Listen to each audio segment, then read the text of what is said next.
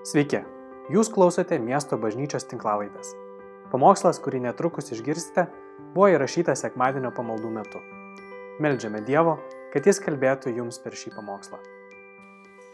Šį sekmadienį mes pradedam naują pamokslų ciklą apie melus ir tiesas santokoje. Ir žinoma, šitas žodis skirtas turbūt labai aktualus visiems, kurie esat santokoje, bet jeigu jūs nesat santokoje, galbūt jūs ruošiatės būti santokoje. O gal jūs buvot santokoje, šiandien esate išsituokę. Ir e, mes visi turbūt gyvenime esam skirtingose stadijose, bet uh, tikslas šių pamokslų yra pažvelgti į tiesas apie santoką, tai, kas yra buvę mokoma jau šimtmečius ir tūkstantmečius, tam tikros tiesos, kurios yra šventajame rašte. O melus šiandien norim peržvelgti irgi vieną iš tokių melų. Yra svarbu juos pastebėti, kad mes įeitumėm į gyvenimą ir į santyki, neturėdami kažkokių keistų iliuzijų. Žinot, mes aplinkui save matom daug melų, kurie nėra tokie baisus ir brutalūs melai. Tiesiog yra daug baltų melų ir kartais mes tiesiog pateisinam daug baltų melų. Kartais atrodo geriau yra nutilėti kažką, ar ne?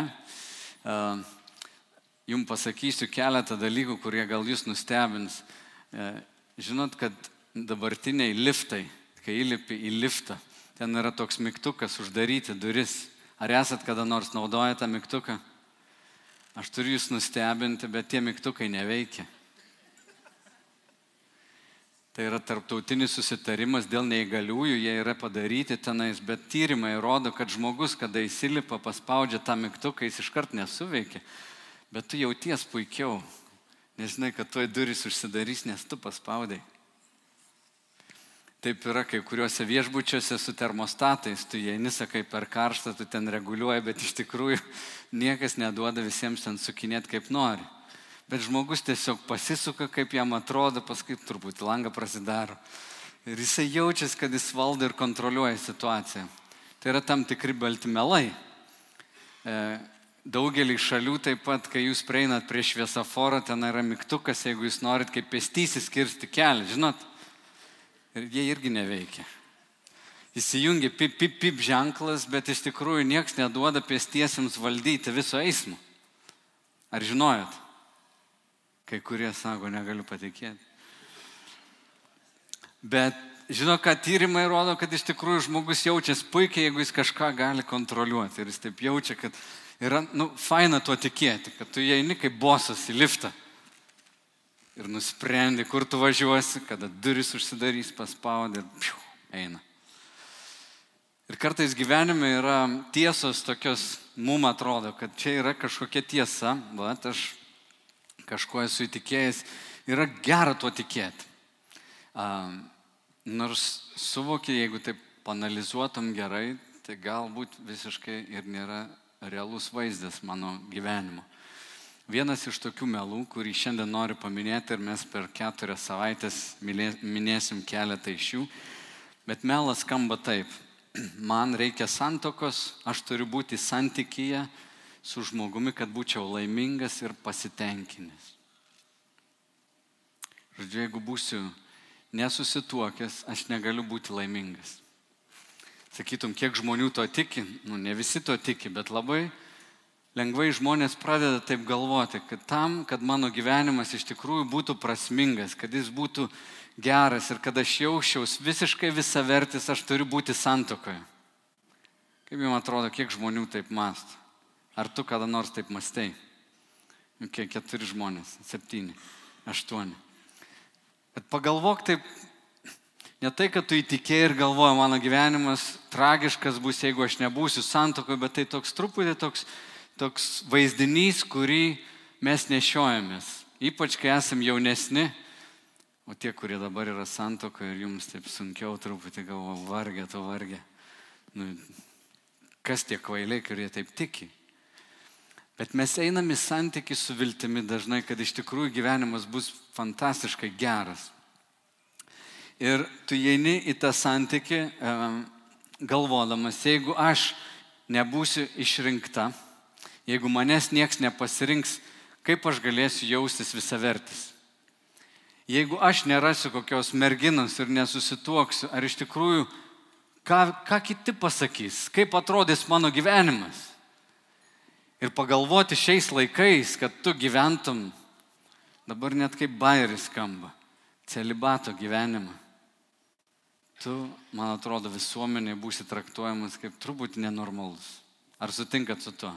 Jeigu tu pasirinktum, tai sakytum, nu, aš noriu netgi susilaikyti nuo lytinių santykių iki santokos, šiandien iš tokių žmonių yra visiškai juokiamas. Aš pamenu, mane yra kvietę į kelias televizijos laidas, aš nevažiavau, nes producerė turėjo savo planą.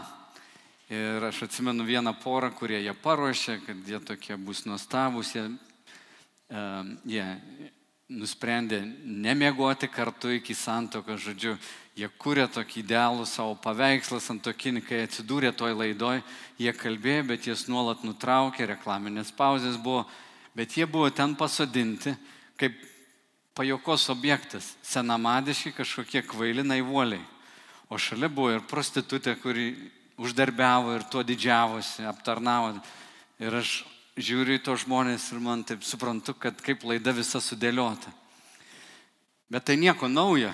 Iš tikrųjų, toks įsitikinimas, kad aš, būdamas tik tai santokoje, galiu būti laimingas, yra labai senas dalykas, nes Dievas sukūrė žmogų ir pasakė, kad žmogui negerai būti vienam. Ir Dievas paskui sukūrė moterį, kad moteris papildytų vyrą ir du taptų vienu. Viskas yra gerai su tuo. Bet kur problema su tokiu įsitikinimu, kad aš nebūsiu laimingas vienas arba vienišas, nueina iki tokios kaip ir antros dalies, kuris santokoje pasireiškia tokiu būdu, jeigu aš negaliu būti laimingas vienas, tai santokoje aš būsiu laimingas, o padarys mane laimingu kas? Tas žmogus, su kuriuo susituoksiu. Ir tada tam žmogui yra uždedami nu, nerealūs lūkesčiai. Kuo labiau žmogus įtikėjęs, kad aš negaliu būti laimingas vienišas, tuo didesnis bus lūkestis tam sutoktiniui, ateities partneriui, gyvenimo kelionės partneriui, kad jis atsakys į tuos poreikius. Šventame rašte yra tokia ištrauka, Mato Evangelijos 19 skyriui, kai kurie ateina ir klausia apie santoką Jėzaus ir Jėzus jiems paaiškina, kad Dievas sukūrė vyrą ir moterį pačioj pradžioj. Čia per anksti nuėjo tekstas sekundėlę. Aš taip žiūriu, visų akis taip jumt. Palaukit.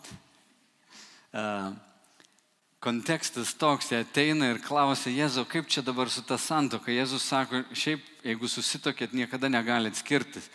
Tada jie sako, kaip ten Jėzau yra, iš tikrųjų, Mozė davė atsiskirimo raštą. Jeigu yra problemų, dėl kažkokios priežasties, Mozė sakė, jūs galite paleisti žmoną. Jėzus sako, ne taip buvo sukurta nuo pat pradžių, dizainės netoks, iš tikrųjų, tu negali paleisti, jeigu tu paleisi žmoną, tu priversi ją paleistuvauti, jeigu kitas ves paleistą žmoną, jis paleistuvauja. Ir visiems toks šokas, tai pala, pala, ne, tai ką, ne, jeigu jie į santoką niekada nebegalės atsiskirti, ką tada daryti, mums atrodo tai nesąmonė. Ir visi ten mokiniai sustoja, sako, tai geriau tikrai nes, nesituokti. Geriau net neprasidėti ir štai ką Jėzus jiems atsako. Mato 19.11. Ne visi gali išmanyti tuos žodžius, o tik tie, kuriems duota. Nes yra eunuchų, kurie gimė tokie iš motinos iščių. Yra eunuchų, kuriuos tokius padarė žmonės. Yra eunuchų, kurie patys save tokius padarė dėl dangaus karalystės. Kas paėgia išmanyti, tai išmano. Jėzus sako, kad yra žmonių, kurie gali nuo gimimo net nemasto apie santoką. Yra žmonių, kurie pasirenka dėl dangaus karalystės niekada nebūti santokoje. Ir yra žmonių, e, kuriuos tokiais padarė kiti žmonės. Man patinka vienas anglų kalbos toks vertimas arba parafrazė, tokia šio laikinė kalba parašyta, aš išverčiau ją į lietuvių kalbą ir jinai skamba taip, Jėzus jiems atsakė, ne visi pakankamai subrendęs su, to, su santokiniam gyvenimui. Santoka reikalauja tam tikrų gebėjimų ir malonės. Santoka ne visiems. Kai kurie, rodos, net nuo pat gimimo nemasto apie santoką. Kitų niekas nepaprašo tuoktis arba nepriima. O dar kiti dėl dangaus karalystės nusprendė nesituokti. Tačiau jeigu jūs, jeigu turi gebėjimą primti santokos didybę, tuokis.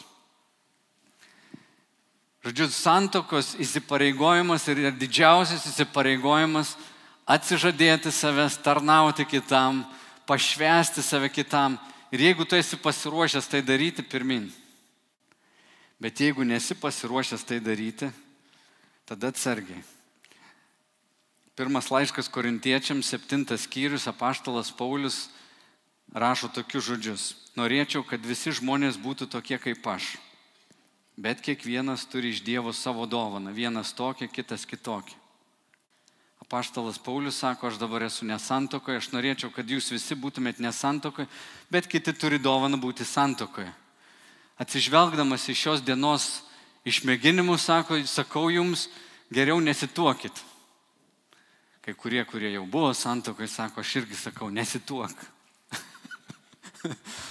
Žodžiu, santoka yra toks rimtas dalykas, kad tu eini į tokią pažeidžiamą teritoriją, kad tavo sutoktinis gali arba labai tave stipriai pakelti, arba labai tave stipriai nusodinti. Tu gali būti sužeistas taip giliai, kaip niekada nebuvai sužeistas.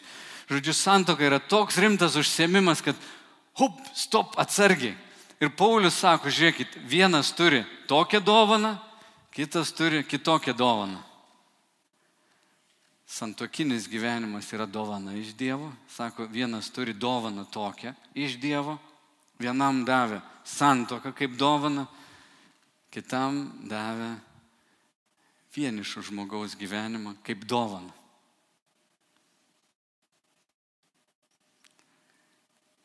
Ir ką aš sutinku kartais vienišų žmonės, kuris sako, šalin tokią dovaną. Nenoriu aš tokios dovanos. Kaip tai gali būti dovana? Kaip tai gali būti dovana? Ir čia turi pasakyti, jeigu tu nori santokos, tavo noras nėra blogas. Bet labai svarbu, kad tavo gyvenimas būtų pripildytas ir prasmės, ir laimės iki santokos. Jeigu tu esi nelaimingas ir tavo laimė trūksta va šito dalyko, turi turėti kitą žmogų ir tu eisi nelaimingas, tu pradėsi labai daug ko reikalauti iš savo stoktinio. Man tenka kartais palidėti ir gal skaudžiau būna merginom, kurių kažkas nepasirinko. Ir jinai galvo, kaip čia dabar su, tam, su to mano gyvenimu. Nerandu aš vaikinu, nieks manęs nepaprašė, nieks nepaklausė ir jis išgyvena tokią gilę egzistencinę iš tikrųjų krizę. Spaudimas iš pasaulio labai didelis yra. Bet Biblija rodo kelią į santoką ir kaip gyventi santokoje, kuris nenuvilia. Jeigu žmogus paskubės, jeigu jisai įtikės, kad jam būtina, būtina, būtina turėti kitą ir neužpildys nieko savo gyvenimo, jeigu jisai gyvena kažkokį, nu, tokį gyvenimą, kuris neturi daug prasmės, jo gyvenimas nėra pripildytas draugystėmis ir gerais santykiais, tai jis rizikuoja kitą žmogų labai stipriai irgi nu, iš jo išsirpti daug ir tikėtis per daug. Taigi, melas santokoje yra, kad tu gali ir turi atsakyti visus mano poreikius. Bet santoka užsiemimas labai rimtas. Mes šiandien, kai žiūrime į tą santoką, tai mums kultūra tikrai daro daug įtakos. Kai pasižiūri, žinai, net vaikų pasakos, kaip mergaitės gelbėja vyras ar nėra princesė ir ją ateina kažkas išgelbėja, nu, jausmas fantastinis. Arba tu surandi princą, jis yra varlė, tu gal pabučiuoji, jisai, wow, toks gražus. Ir gyvenime taip mergina galvoja, nu, aš už, verlės, už varlės išteku, bet tikiuosi tikrai, kad kai pasibučiuosi, nu, tikrai taps princu. Ir taip norėtųsi, kad tai būtų. Ir taip, muah, bučkis. Ir, ir, ups. Ir jis liko varle. Ir gyveni su ta varle ir galvo, wow. Aš nesitikėjau. Nu tikrai turėjo būti kitaip. Nu tikrai po vestuvių, nu turėjo būti gerai, taip gražiai atšokom, tokios fainos vestuvės, eis žalės. Mes žiūrim tokius filmus, kaip, nežinau, su filmais sunku, aš dabar kokį Titaniką jums pacituočiau ir sėdė 18 mečiai, nėra girdėję apie tokį filmą. Kas Titaniką esat matę? Ok, ok. Nes mano vaikai taip sako, tėti čia labai sena daina. Sakau, kelintais parašyta, septynioliktais. O, tai suprantu, kad perspektyvos mūsų skiriasi. Man sena daina yra 69, 72 metai, jiems 17. Bet tu žiūri kartais va tos idealios tokios istorijos, tos meilės, įsimylėjimų, žinai, bet jos kažkur ir baigėsi ties vestuvim. Ir visa tai, žinoma, formuoja mūsų mąstymą, kaip mes įeinam į, į, į, į santoką. Katalikų bažnyčios kunigai ne vieną straipsnį esu skaitęs per pastaruosius kokius penkis metus, kiek daug žmonių ateina į sutoktinių kursus, ruošiasi santokai, turi tokį idealų paveikslą, jie viską praeina, bet jų kelionės pabaiga yra kas? Vestuvės. Reikia fainas vestuvės padaryti. Ir nieks atrodo nesiuošia santokai, ruošiasi tik vestuvėm. Nu tik, va, tai dienai, kai aš varlę pabučiuosiu. Ir tada mes pradėsim gražiai gyventi. O tikrovė yra truputį kitokia. Taigi tai, kas yra filmuose, mūsų mąstymo formuoja, bet santoka, į ją reikia įeiti, jeigu esi pasirengęs, jeigu esi nusiteikęs ir turi tokį realistinį dalyką. Aš labai pozityviai į santoką žiūriu, galvoju, kad tai yra tikrai nu, gražus Dievo šedevras ir tuoj mes pažiūrėsim uh, vieną ryškiausių vietų šventajame rašte, kuri kalba apie santoką. Bet tikėjimas, kad visi tavo poreikiai bus atsakyti, yra nu, nerealus toks. Ir kai tie poreikiai yra nebeatsakomi, tu eini su per dideliu tokiu entuzijazmu ir idealizmu į santoką, tai mažų mažiausiai prasideda nusivylimai, paskui antrą pradeda kažkokie piltis priekaištai, kritika, nuliūdimas, toks galiausiai net pykčiai ir galiausiai žmonės net nueina iki neapykantos.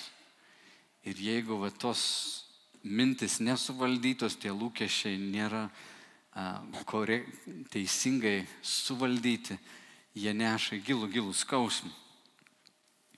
Um, Dabar ką pakalbėsiu, tuo eidamas prie Dievo žodžio, e, naudos ir medžiagą iš dviejų tokių autorių. Vienas yra Villardas Harley ir jo knyga yra išleista e, lietuvių kalba. Man atrodo, net mūsų knyginė jūs galite įsigyti. Jo norą, jos norą. Ar esat kas skaitę? Nesat? Labai rekomenduoju. O kita yra daktaro Emersono Egričio knyga, kuri vadinasi meilė ir pagarba. Vienam iš tokių tyrimų, kurį apklausų, kurie jis padarė su 7 tūkstančiais porų, jie atliko tokį e, tyrimą, kaip jaučiasi vyrai ir moteris konflikto metu. Kas įvyksta vat, santokiniam konflikte, jų būna nuo mažų dalykų iki didelių. Bet iš tų visų porų apklaustų 83 procentai vyrų jaučiasi negerbiami konfliktų metu. Ir 72 procentai moterų jaučiasi nemylimos. Konflikto metu moteris išgyvena, kad į ją nėra pasirūpinta, ji yra nemylima, o vyras jaučiasi negerbiamas. Matot skirtumą? 83 procentai ir 72. Ir čia poreikiai labai skirtingi. Pažiūrėkim į e, apaštalo Pauliaus pristatymą santokos, kaip jis pristato santoką, lygindamas ją su Jėzaus santykiu su bažnyčia. Efeziečiams 5 skyrius 22 eilutė. Jų žmonos, būkite klusnios savo vyrams lik viešpačiui, nes vyras yra žmonos galva kaip ir Kristus yra galva bažnyčios, jis kūno gelbėtojas. Todėl kaip bažnyčia paklūsta Kristui, taip ir žmonos visame, kame te klauso savo vyrų. Jūs vyrai mylėkite savo žmonas, kaip ir Kristus pamilo bažnyčią ir atidavė už ją save, kad ją pašventintų apvalydamas vandens nuplovimu ir žodžiu, kad pristatytų savo šlovingą bažnyčią, neturinčią dėmės, nei raukšlės, nei nieko tokio, bet šventą ir nesuteptą. Taip ir vyrai turi mylėti savo žmonas kaip savo kūnus. Kas myli savo žmoną, myli save patį. Juk niekas niekada nėra nekentęs savo kūno, bet jį maitina ir globoja, kaip ir Kristus bažnyčia. Mesgi esame jo kūno nariai, iš jo kūno ir kaulo. Todėl žmogus paliks tėvą bei motiną, susijungs su savo žmona ir du taps vienu kūnu. Tai didelė paslaptis, aš tai sakau, žvelgdamas į Kristų ir bažnyčią.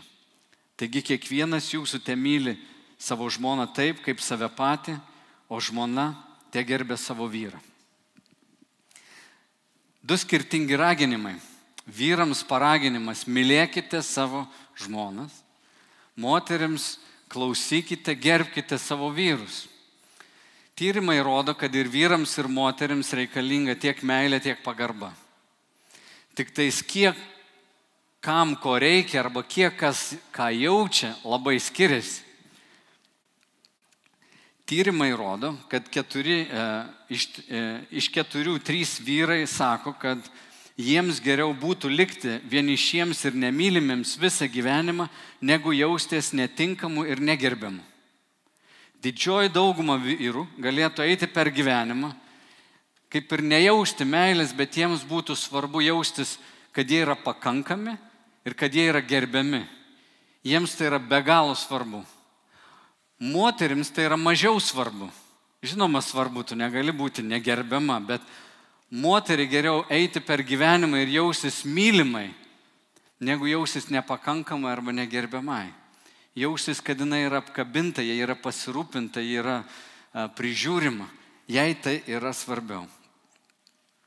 Abiems reikia ir vieno, ir kito, bet poreikius jo išgyvena skirtingai.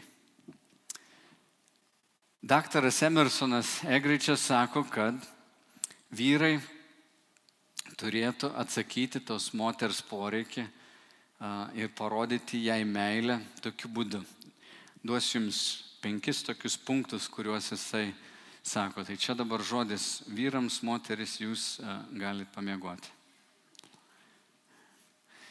Žodžiu, tai, ką dabar pasakysiu, nėra skirta jums, kad jūs prisidėtumėt kulkų į savo šautuvus.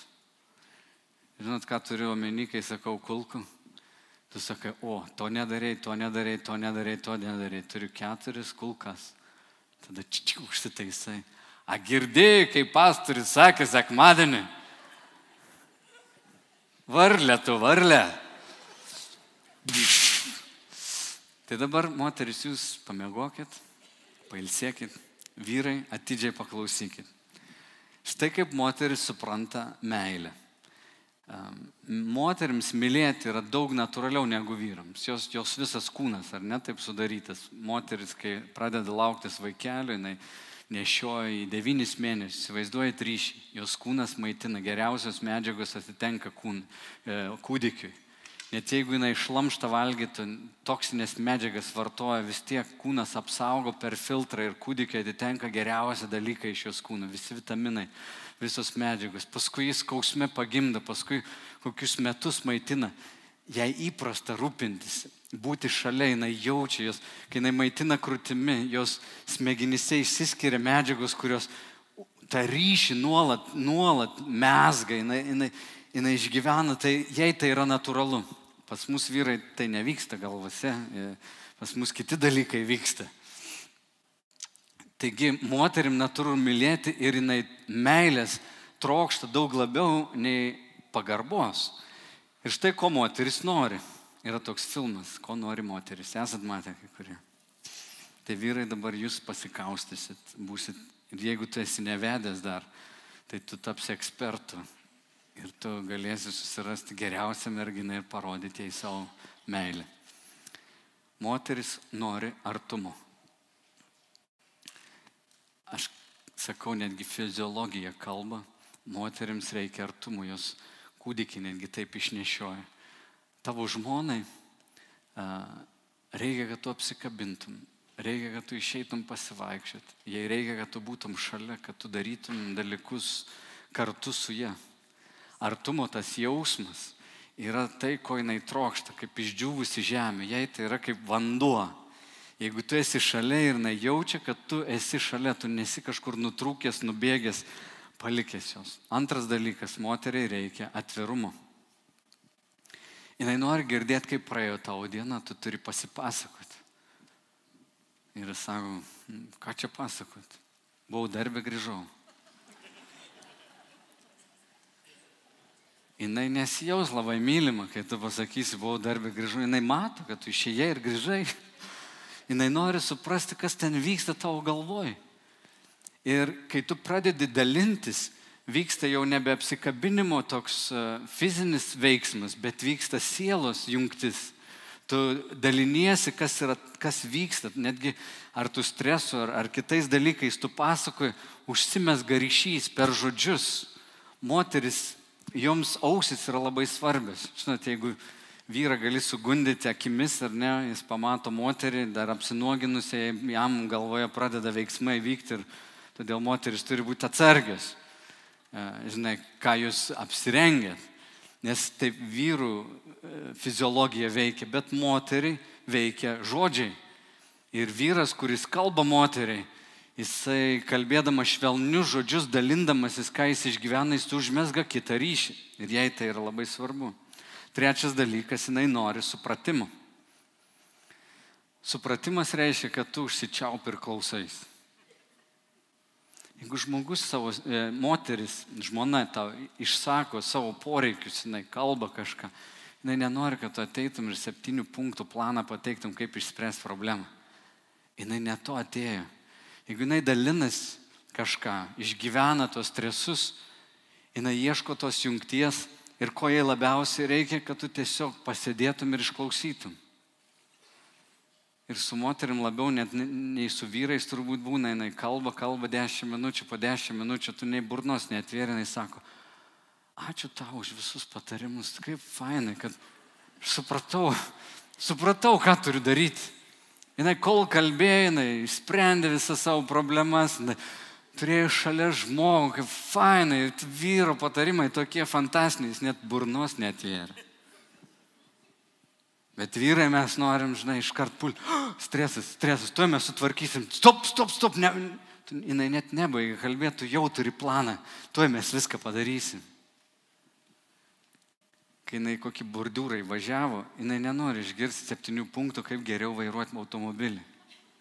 Tu tiesiog pasėdėk, paklausyk, leisk nusistresuoti.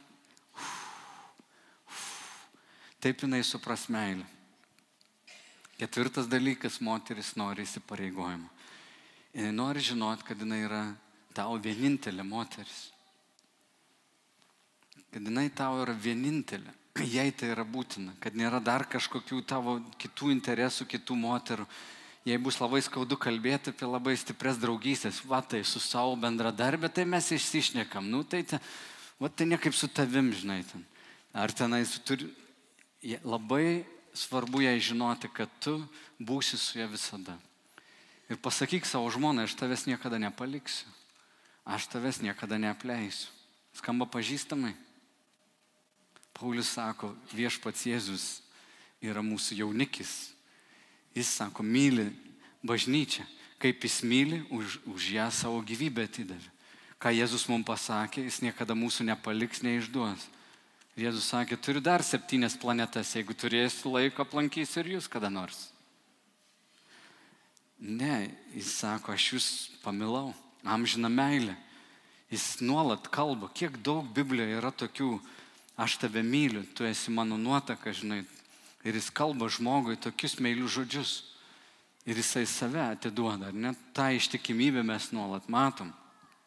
Taigi, kaip vyras turi užtikrinti, mes su žmona nutarėm, kad mes apie skirybas niekada nekalbėsim, mes neturim tokios opcijos, tokio pasirinkimo mūsų santokoje nėra. Žmogžudystė gal, bet neskirybas. Čia mano žmonos juokas. Kažkada jos paklausė, sako, ar kada nors galvoja skirtis? Ne, sako, nužudyti taip, bet skirtis ne. bet mes esam nusprendę, mes apie tai nediskutuosim, mes net anegdotų nepasakojame apie tai. Ir tai nėra taip, kad nuolat galvojam, tik, sakim, nesakysim, ne, mes savo galvoj tiesiog išmetėm šitą reikalą iš savo galvos, iš savo žodyną ir sakau, aš būsiu su tavim, aš su tavim pasensiu. Aš gerėsiu su tavimi, o jeigu aš jau nebesigeriu, kažkas nebegerai su mano galva, žodžiu, man reikia taisytis. Bet tie žodžiai, kuriuos aš jai sakau ir jinai žino, kad jinai yra mano moteris, mano žmona, mano jaunystė žmona.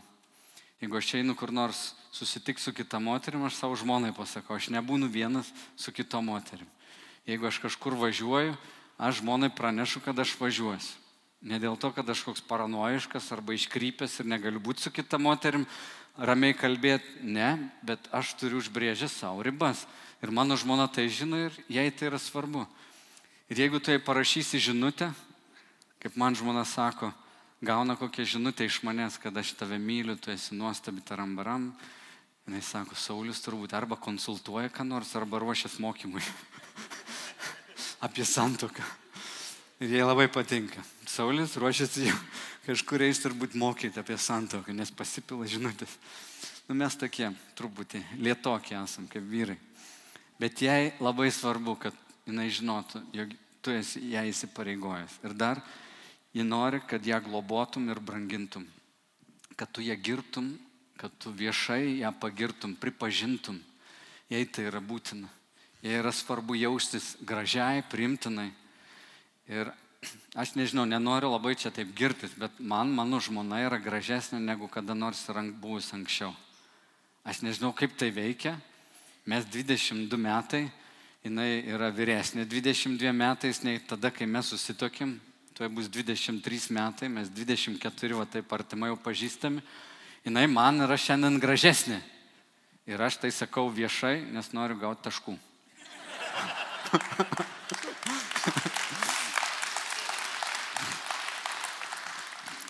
Gal jinai čia yra, gal ne, su vaiku gal yra kitur.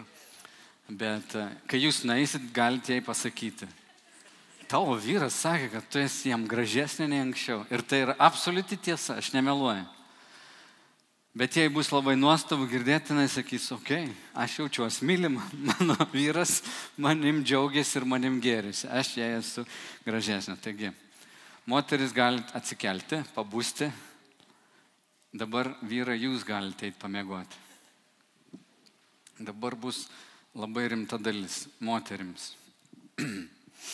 Čia šitie punktai yra ir daug tyrimų padaryta apie tai, žodžiu, kaip parodyti savo vyrui pagarbą. Moteris, būkite atidžius. Kai mes kalbam apie meilę, kažkaip krikščioniškose ratuose visiems labai suprantama yra besalginė meilė. Ar jūs suprantat, kas yra besalginė meilė? Tu gali būti nu, vat, kaip sunus, ar ne, jisai pasileido kažkur, pradėjo vartoti, nusigėrė, tave apvogė. Ir tu vis tiek jį myli, tiesa? Kiek mamų myli savo vaikus, kurie nuvylė jas, įskaudino jas be galo, bet tu supranti kažkaip yra besąlyginė meilė, mes tai suprantam, ar ne? Aš pasirinkau mylėti. Šventame rašte mes matom, Jėzus pasirinko mus mylėti. Kai mes dar buvom nusidėliai, kai mes jo negarbinom, nieko dėl jo gero nepadarėm, jis mus pamilo, jis išsirinko ir pasakė, visada tave mylėsiu, niekada tavęs neapleisiu. Suprantama, viskas aišku. Bet žinau, kur problema ir moteris, jūsų galvoja, daugelio galvoja, kad pagarba irgi gali būti besąlyginė. Ar gali tai būti, kad kai Dievo žodis sako gerbti, klausyti, kad tai irgi neturi sąlygų. Sakai, kaip man gerbti, jeigu jis nėra vertas tos pagarbos? Kaip aš galiu gerbti vyrą, jeigu jis elgės kaip čiaulė? Nu, laba diena. Tas eilutes galime išmesti lauk. Žinoma, tos eilutės nėra pritaikytos man ir mano vyrui. Paulius rašė feziečiam šitą laišką tobulom santokom kur vyras yra geras, vertas pagarbos, jam rodai pagarbą. Vis tiem aišku. Jeigu vyras elgesi nepadoriai, kokią jam čia pagarbą rodysi? Kai prieini prie vaikų, sakai, vaikučiai, ar jūs mama myli? Vaikučiai, taip, mama myli. O ar jūs patinkat mamai? Ne, mes blogi. Šiandien buvom labai blogi. Prieini prie vyro, klausi, klausyk, tave žmona myli. Ja, aišku, kad myli, labai myli. O tu patinki žmonai, oi ne, aš šiandien buvau blogas. Jis man tiek kartų pasakė, kad aš blogas. Moteris gali mylėti, bet gerbti jau yra sudėtingiau. Moteris, kaip parodyti pagarbą savo vyrui? Štai penki punktai. Vertinkite jo norą sunkiai dirbti ir pasiekti. Vyrai yra užkoduoti siekti tikslų, sunkiai dirbti, atiduoti daug savęs. Jeigu pažiūrėtumėt beveik visas pasaulio profesijas, vyrai išskirtinai dominuoja visose profesijose, net moteriškose profesijose. Kodėl? Todėl, kad vyras turi nerealų tokį gebėjimą sutelkti savo dėmesį ir atsiduoti kažkam ypatingai. Ir parodyti pagarbą vyrui, kad jam neskaudėtų, reiškia, kad tu gerbi jo tą norą, kai jis sako, aš noriu sunkiai dirbti.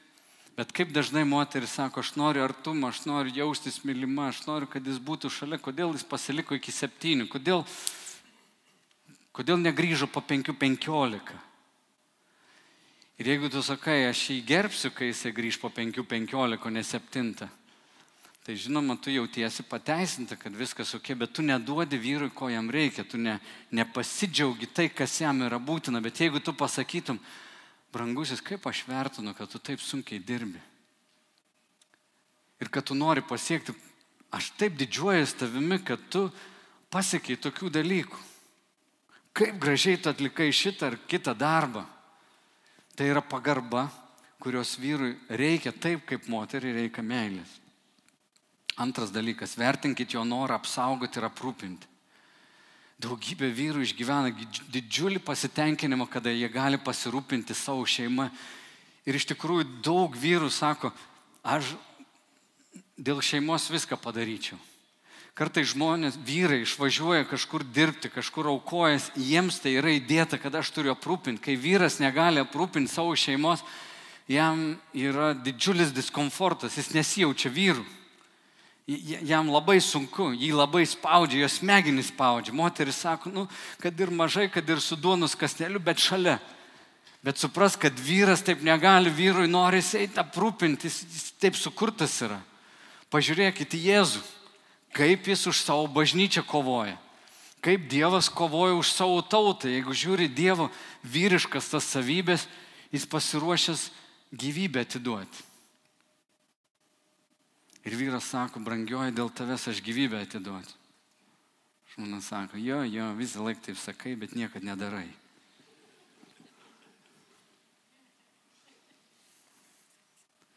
Ir netikį, žinai, kad vyras iš tikrųjų tai galėtų padaryti. Nu, gyvybę atiduoti, aš suprantu, gyvybę atiduoti, tai su manimi teatrą reikia nueiti. O kaip dėl to, kad jis sunkiai dirba, kaip dėl to, kad jis pasiekė, kad jis aprūpina, kad jis saugo. Trečias dalykas, vertinkite jo norą tarnauti ir vadovauti. Vėlgi vyrams įdėtas tas atsakomybės jausmas. Tikras vyriškumas be atsakomybės yra nesuvokiamas. Vyras turi jausti atsakomybę ir jisai tarnaudamas, e, vadovaudamas jis jaučiasi gerai. Ketvirtas dalykas, vertinkite jo norą viską analizuoti ir patarti. Čia kur sakiau vyrams užsičiauk ir nepatarinėk, Bet moteris, vyrai turi tą gebėjimą labai dažnai išanalizuoti, patart. Mes, kai vyrai susirenkam, mes iš tikrųjų nesusirenkam, tai paplepam šiaip. Vyras eina pas kitą, nes jam reikia nusipirkti naują automobilį ir jis galvo, kokį čia dabar pirkti, reikia pasišnekėti, klausyk, kokį tu turi, a, kokį, kokį reiktų, žinai, papasakok man. Mes susirenkam, mes sprendžiam problemas. Šiaip pašnekėti, mm, Bet mes turim kažkokį tikslą, susigalvojam, tada vyrai susijungia, davai, eisim, davai, subūrėm komandą, lošiam, gal laimėsim šitose varžybose. Žodžiu, mus jungia kažkokie bendri tikslai, tas mes dažnai analizuojam, patariam viens kitam, mes, mes taip bendraujam. Ar tiesa vyrai? E, sorry, prižadinau visus. Mėgokit toliau. Čia ne kulkos mums. Bet jeigu tu nori jam parodyti pagarbą, tu turi būtinai ir padėkoti už jo tą norą, analizuoti, galvoti, spręsti problemas. Kai jis naktim nemiega ir galvoja, kaip čia kažkokį remontą padaryti, dar kažką. Vertink tą norą, sakyk, kaip fainai brangusis, kad tu apie tai galvoji. Penktas dalykas. Vertinkit jo norą būti artimoje draugystėje ir siekti intimumo. Čia irgi labai rimta tokia dalis. E, siekti tokios draugystės arba to intimumo. Harlis jisai rašo, kad vyrų iš tikrųjų tas seksualinis poreikis jisai mm, yra, bet vyrams taip pat reikalinga draugystė. Jūs turbūt jau šiandien daug kas suprantat, kad seksas be draugystės, kada nėra hm, proto jungties, sielos, širdies jungties, yra toks, nu, net, netikras, ne, ne, ne, žmonės, kurie yra susipykę, jie, jie negali mylėtis, jie ne, nepatirs malonumo. Seksas yra, kaip sakoma, nu, daug gilesnis dalykas nei šiaip fiziologinis. Didžiausias, kaip sako, organas yra smegenis, kurios viską ir valdo. Bet vyras turi tą norą draugystės ir to intimaus ryšio. Ir moteris negali nekreipti dėmesį tai. Apaštalas Paulius korintiečiams laiške, septintam skyriui, netgi antroje lūtė, jisai sako, vyras neturi valios savo kūnui, moteris neturi valios savo kūnui. Jūs turit vienas kitam tarnauti. Ir ten kalbama apie lytinius santykius. Jeigu moteris kažkaip ten atstumia vyrą, atsisako nu, prisileisti jį, jinai be galo giliai žaidžia jį. Ir paskui jinai stebės, kodėl vyras kažkur tolin nuėjo. Susirado kitų alternatyvų, kitų būdų, kurių šiandien yra pilna. Nori parodyti jam pagarbą, eik į artimą tokią draugystę su juo. Būk šalia, važiuok į žvejybą. Na, labą dieną į žvejybą. Bet paklaus, ką jam tai reiškia. Matai, vyras, kurio namuose žmona sėdi ir nėra jo didžiausia fane, jis išeina iš namų kaip nukirstom kojom, jis negali būti laimingas, jis negali versle kažkur ten siekti, darbe kažko pasiekti. Jį tai išjungia labai stipriai, kerta jam per, per pačias jautriausias vietas. Jis turi turėti žmoną, kuri jį palaikys pilnai. Aš noriu jums parodyti dabar tokį, dabar galite ir vyrai atsibūsti. Parodyti du tokius paveiksliukus. Vieną paveiksliuką noriu parodyti jums apie beprotišką ciklą, kuris sukasi. Žiūrėkit, kaip tai veikia. Kai žmona neišgyvena meilės, vyro meilės, ji reaguoja tokiu elgesiu be pagarbos. Jeigu jinai nesijaučia mylima, jinai um, nerodo pagarbos vyrui. Tu neužpildai mano poreikių, tu neatsakėjai mano poreikius, kodėl aš dabar turėčiau tave gerbti, kodėl aš turėčiau tave ten girti, patenkinti tavo poreikį. Kai vyras nesijaučia gerbiamas, jisai nerodo meilį žmonai. Ir tai yra toks kaip prakeiktas sukūrys, kuris tempia sutoktinius žemyn nuolat. Ir iš tikrųjų problemos, kurias kartais sutoktiniai sprendžia, net nėra ta problema, kurią jie sprendžia, kokį automobilį pirkti ar kur važiuoti atostogauti. Didesnė problema yra, kai jie bendrauja žmona, nesijaučia mylima, nesijaučia išklausyta, kad jos nuomonė nėra gerbiama. Vyras nesijaučia gerbiamas. Ir va šitas ciklas, jisai taip sukasi, jis yra toks beprotiškas Nes ir vienam, ir kitam labai skauda. Ir kai tau skauda, tu jautiesi pateisintas, kodėl aš turėčiau duoti tau tai, ko aš pats negaunu. Ir tai iš tikrųjų gali labai giliai sužeisti. Mes negalim nekreipti dėmesio į vienas kitą poreikius. Žmonos kartais jūs e, su vyrais taip elgėtės, bet jeigu kas nors elgtųsi taip su jūsų sunumi, jūsų sunaus būsima žmona, jūs sakytum, ne, ne, ne, aš to nenoriu. Kaip dažnai mes auginam berniukus ir mamos, šiandien tiek daug mamų augina berniukus, jos nori apsaugoti, nenori, kad rizikuotų kažkur, kad jis nenukristų. Žiūrėk, aš paimu savo vaikus visą laiką vadai, va, sakinėjai. Gyvenu tarp daug merginų ir moterų. Viena moteris, bet yra merginų. Jos visos, žinai, palikta vaiką ramybei. Bet vyrai yra tokie, mes galim rizikuoti, mes galim suktis ir kažkaip. Ir atrodo, norėtųsi, žinai, kad vyrai būtų vyrais, kad jie būtų atsakingi, kad jie rizikuotų, bet tu jie augini kaip mergaitė. Tokie, oi, neik ten išsitepsi, neliesk to, žiūrėk, čia nukrisi, nelip laiptais, tok čia. Saugai, saugai, saugai.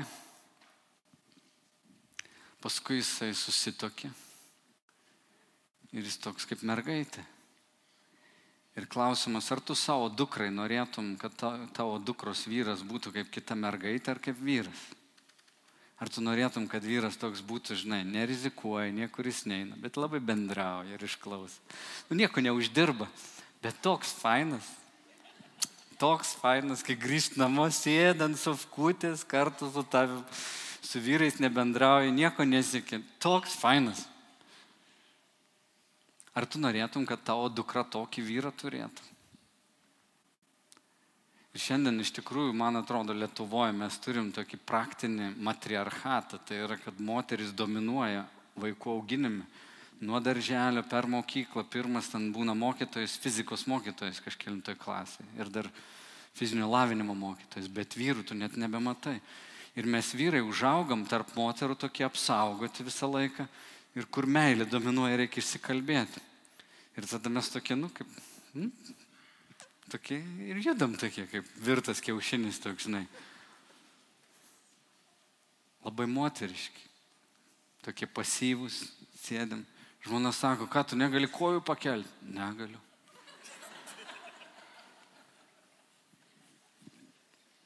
Negali parduotuvę nueiti? Negaliu. Ir aš tiek dažnai sutinku vat, porose, kur moteris dominuoja, viską valdo, vyras sėdi toks. Ir paskui sako, aš nebegaliu.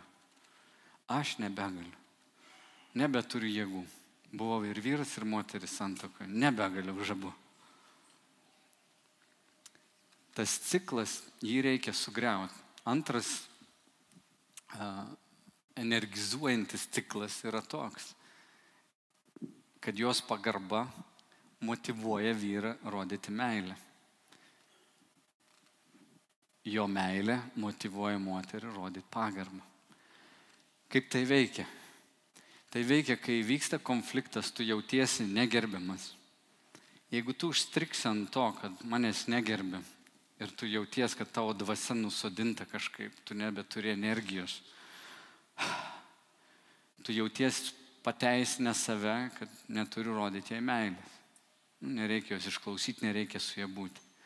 Jeigu tu padarysi tame klaidą ir nustosi aukojasis ir nustosi rodyti jai meilę, tik žiūrėsi savo būdą, tai jūs papulsit į tą beprotišką ciklą, kur vienas kitą taip nuvarysit, kad net nenorėsit vienas kito matyti. Bet sugriauti tą ciklą yra taip. Kodėl aš sakiau vyrai, čia užmykit moteris čia. Noriu pasakyti, vyrai, va tos punktus, noriu parodyti jai meilę, tu nuspręsk, aš eisiu link artumo, aš išsikalbėsiu, aš būsiu šalia, aš kalbėsiu, kad esu pasišventęs ir e, savo gyvenimą pašventęs jai. Aš leisiu laiką. Moteris, net kai jūs jaučiatės nemylimus, girkit savo vyrą. Atraskit būdų, kur jūs matote tas vyriškas savybės, jo riziką, jo norą uždirbti, jo norą apsaugoti, jo norą analizuoti, patart.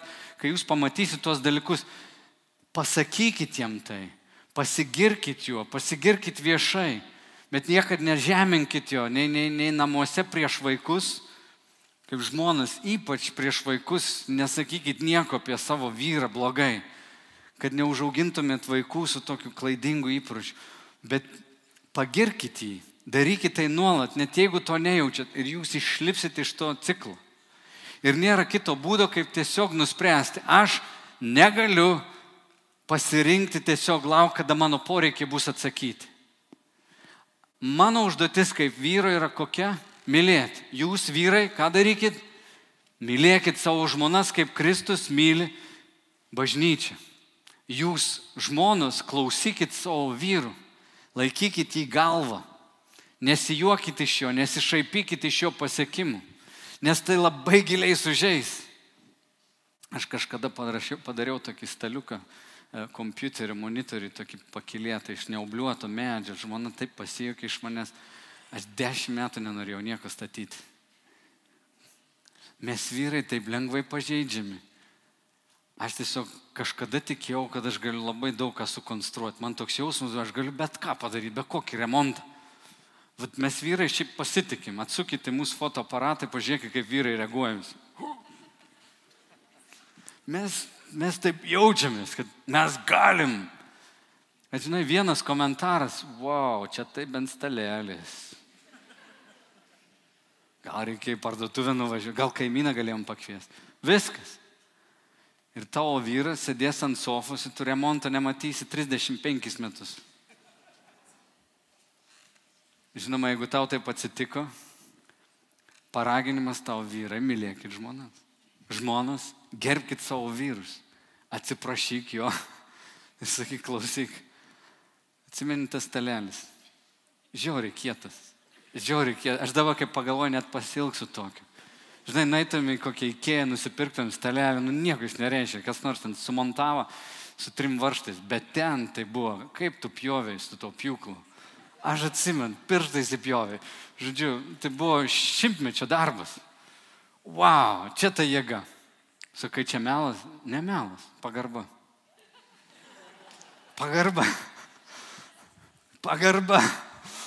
Paverstai tokių, nu, juokų, bet jeigu tu iš tikrųjų nusprendė tai daryti, tu pakelsi vyrą. Ir vat, išeiti iš to ciklo yra tavo sprendimas. Ir abu du turit nuspręsti.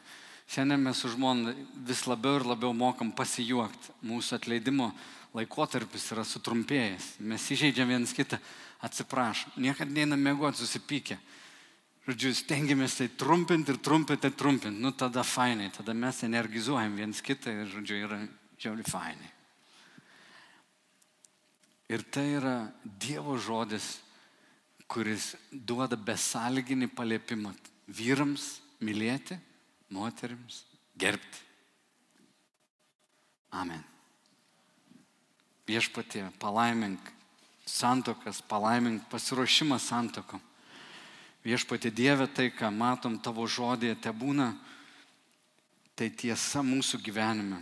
Ir mes melžiam, kad šventąją dvasę tu išmokytum vyrus mylėti geriau, žmonas gerbti labiau, bet kad ir vieni ir kiti ragautumėm to. Viešpatė, melžiam ir už visus, kurie eina į santoką Meldžiam, kad tu duotum sutoktinius ir paruoštum kiekvieną būti dovana santokoje. Ne, kad ieškotumėm tobulą ateities partnerio sutoktinio, bet kad dėmesys būtų sutelktas į e, tapimų gerų sutoktiniu pačiam, kad paruoštų kiekvieną save kaip dovana. Viešpatė meldžiam ir išgydymo tavo, tiek per šitos žodžius, kuriuos matome tavo šventame rašte žmonėm, kurie patyrė nesėkmės, nelaimės, santokos iš, iširo viešpatie. Mes daug nusidedam, daug suklystam dėl savo nežinojimo. Tu meldėjai ant kryžiaus, sakydamas atleisk tėvė, nes jie nežino, ką daro. Ir dažnai ir santykiuose, santokose mes esam tie kvailiai, kurie nežinojom, ką darėm. Padarėm klaidų ir įskaudinom, ir įsiskaudinom ir buvom sužeisti ir negalėjom atleisti. Viešpatė gydyk, gydyk per tiesą, per tiesą, per teisingus lūkesčius. Suteik viešpatė kiekvienam žmogui, kuris buvo, yra ar bus tokiuose san, santuokiniuose santykiuose. Mylėti ir gerbti. Mes prašom tavo palaimus. Jėzau Kristų. Amen. Ačiū, kad klausėte. Daugiau informacijos apie miesto bažnyčią rasite internete. www.m-b.lt arba Facebook, Instagram bei YouTube paskiruose.